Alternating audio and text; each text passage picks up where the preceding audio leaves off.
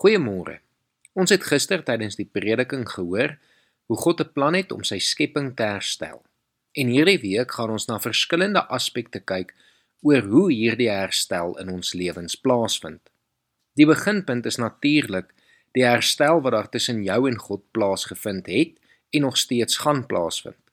Dat God jou so liefgehad het dat hy gekies het om die verhouding met jou te herstel. daarmee saam met God gekies om ons ook van ons gebrokenheid as gevolg van ons sondes te genees. 1 Petrus 2 vers 24 sê: Hy het self ons sondes in sy liggaam aan die kruis gedra. Daardeur is ons vir die sondes dood en kan ons lewe in gehoorsaamheid aan die wil van God. Deur sy wonde is jy genees. Daar is niemand wat vandag kan sê ek het nie wonde nie. Jy het of jouself deur jou eie sonde skade aangedoen of ander mense het deur hulle sondes jou gewond. Of die lewe het dalk net gebeur soos die lewe kan gebeur en dit het jou seer gemaak. Elke mens leef in onvrede sonder die Here met 'n klomp hartseer en 'n klomp wonde. Die goeie nuus is egter dat Jesus ons uitnooi om na hom toe te kom vir genesing vir vrede en vir rus. Matteus 11 vers 28 sê Jesus self: Kom na my toe, almal wat uitgeput en oorlaai is, en ek sal julle rus gee.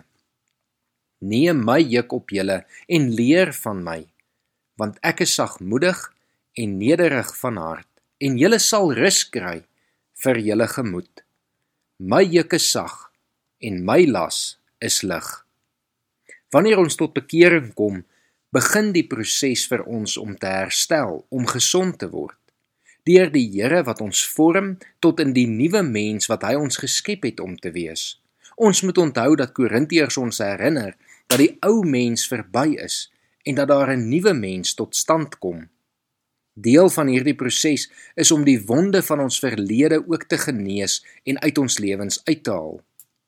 Baie mense gaan deur hulle hele lewe sonder om ooit die seer binne in hulle te konfronteer sodat dit gesond kan word.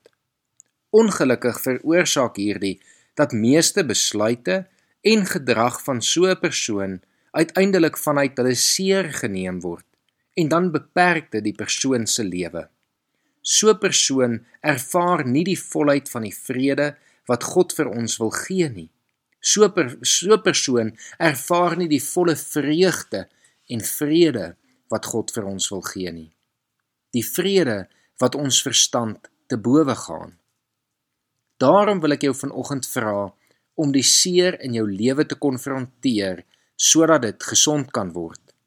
Indien dit 'n sonde in jou lewe is wat die seer veroorsaak, wil ek jou vra om Jakobus se raad te volg en jou sondes teenoor God en teenoor medegelowiges te bely sodat jy daarvan gesond kan word.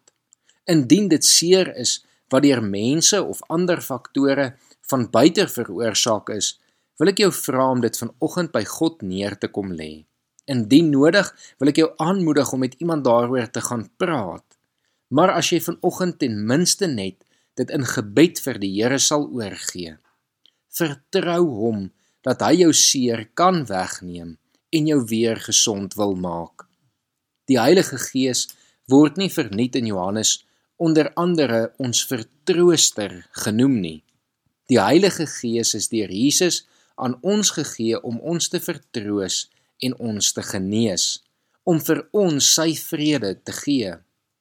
Daarom sê Jesus in Johannes 14 vers 27 wanneer hy oor die Heilige Gees praat: Vrede laat ek vir julle na.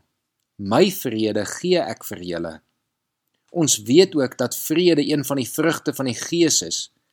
Die Heilige Gees wil vir jou God se vrede gee.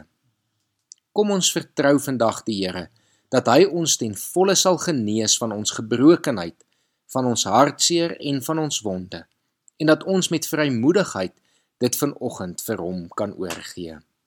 Kom ons bid saam. Here, dankie dat U ons nie net red van ons sonde nie, maar dat U ook die wonde as gevolg daarvan kom genees.